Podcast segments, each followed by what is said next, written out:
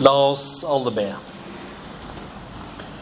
Trufaste Gud, du som frelste oss gjennom dåpens vann og har lovet oss frelse og evig liv.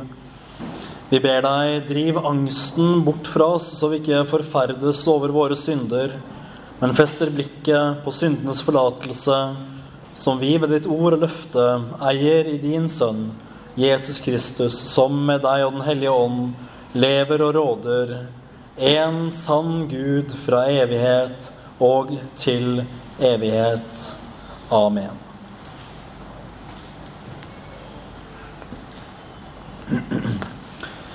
Vi får eh, begynne med noen eh, ord om bakgrunnen til den teksten som vi leste hos evangelisten Johannes.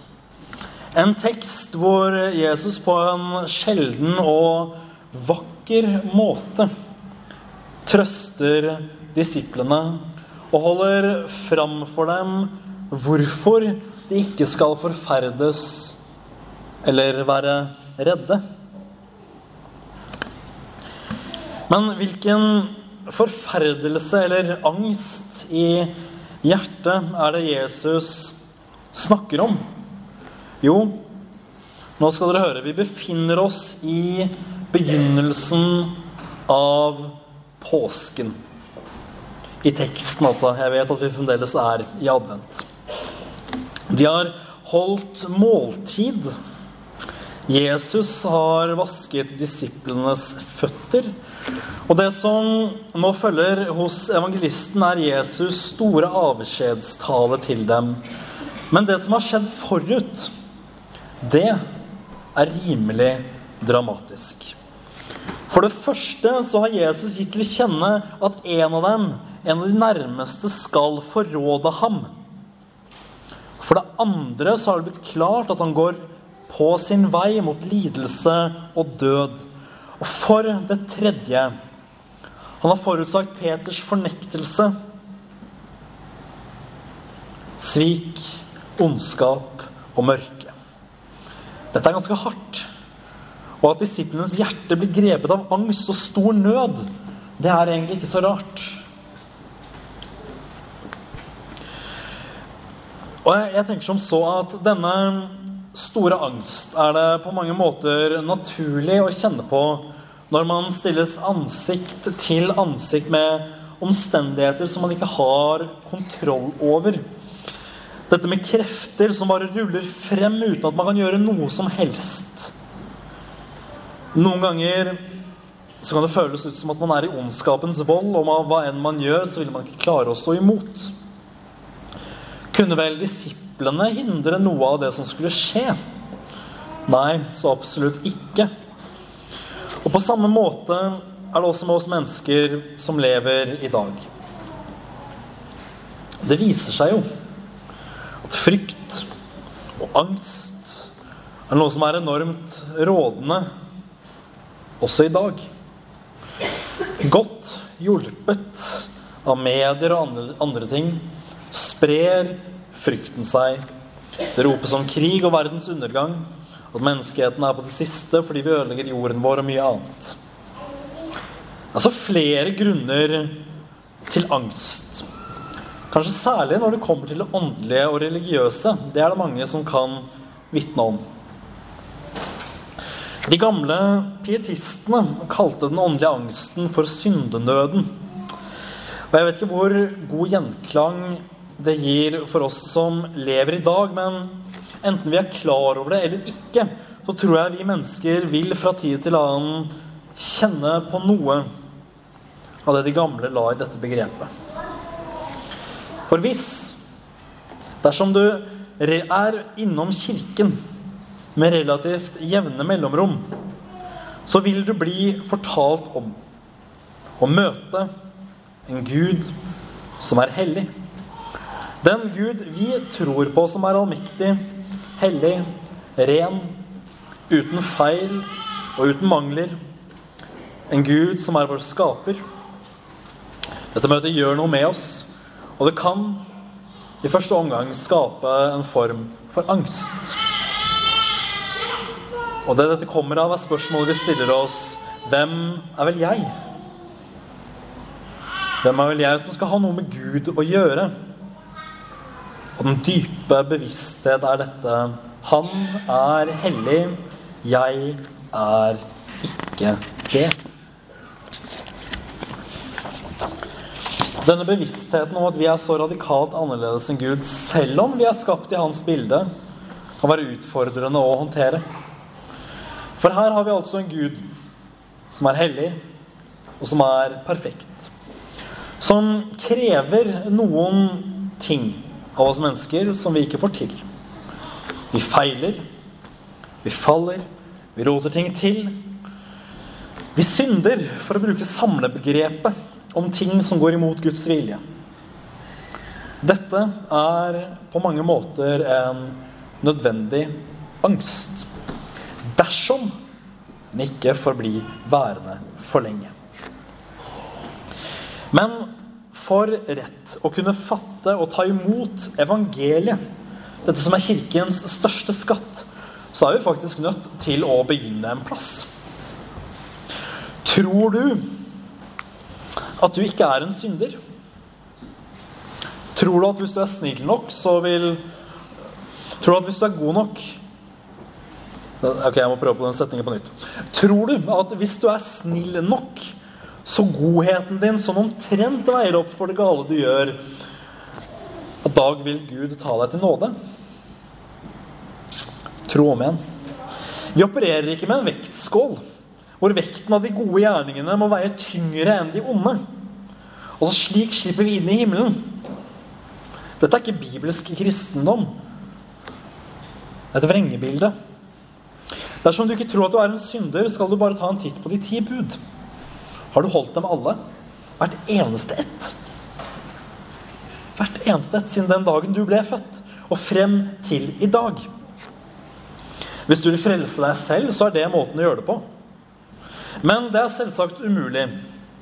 Jeg har ikke holdt alle de ti bud, det er jeg godt overbevist om. Og de som Men altså, det er selvsagt umulig å frelse seg selv på denne måten.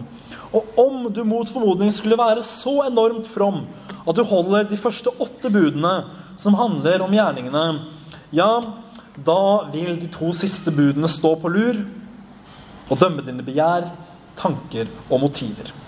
Guds lov krever hele deg med tanker, ord og gjerninger. Og holder, dem, holder du dem ikke hele, så går du ikke fri. Når vi konfronteres med dette, Guds hellighet og vår syndighet, da kan angsten slå inn. Men når angsten, uroen og forferdelsen slår inn med sin hardhet, da står Jesu ord der fra evighet av også til oss i dag. Og du kan få høre Guds sønn si til deg, la ikke hjertet bli grepet av angst. Tro på Gud og tro på meg. Hører du hvilken fantastisk trøst dette er? Jesus, som er Gud selv, han kommer til oss som den hellige. I møte med vår synd, i møte med vår nød, i møte med alt det vi gjør som er imot Guds vilje og imot Guds vesen.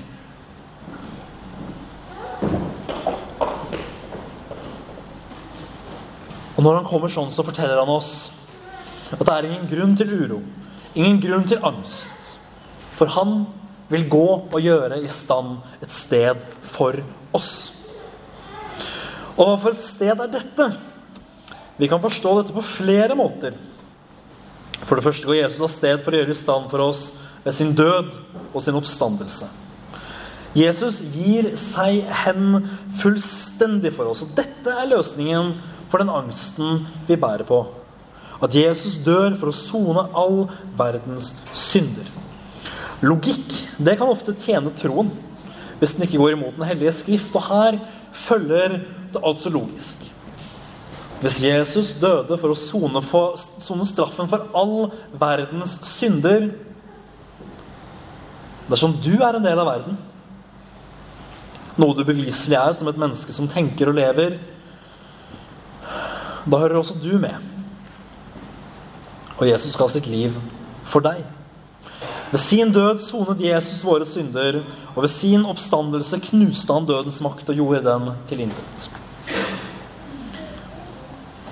Videre taler Jesus også om sin bortgang på en annen måte, nemlig himmelfarten.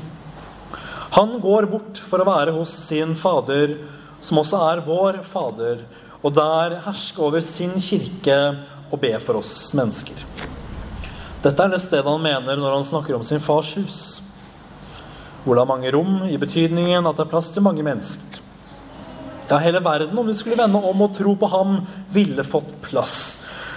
Og er ikke det en herlig trøst at Jesus gjør i stand et sted for oss i sin fars hus, og at han kommer for å hente oss til ham? Som han sier så vakkert. Så dere skal være der jeg er. Dette, alt dette her er noe vi kan tro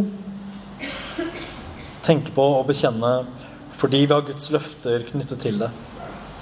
Når Jesus sier til oss at vi ikke skal gripes av angst, ja, da er det jo nettopp dette han mener. For han følger opp med å si det. Tro på Gud og tro på meg. Tro på Gud og tro på Jesus, det han har gjort. Ha tillit til dette. Han holder fram for oss at vi kan og skal tro på Guds løfter. Tror du at det er en synder, som jeg spurte om i sted? Bra. For det er du. Men la deg ikke stoppe der. For da vil du gå i frykt og angst som du ikke trenger for en Gud som elsker deg. Og det er det ingen grunn til. Saken er den at like bortenfor skal vi se at troen på at vi er syndere, også er kilden til trøst. Dette med at troen på at vi er syndere, blir forbundet med pekefinger og svovelpredikanter og nedtrykthet og sånne ting, det, jo, det kommer jo av en forkynnelse av at vi er syndere, og man har glemt evangeliet. Altså, Da er det jo ond og hard forkynnelse. Men visst er vi syndere.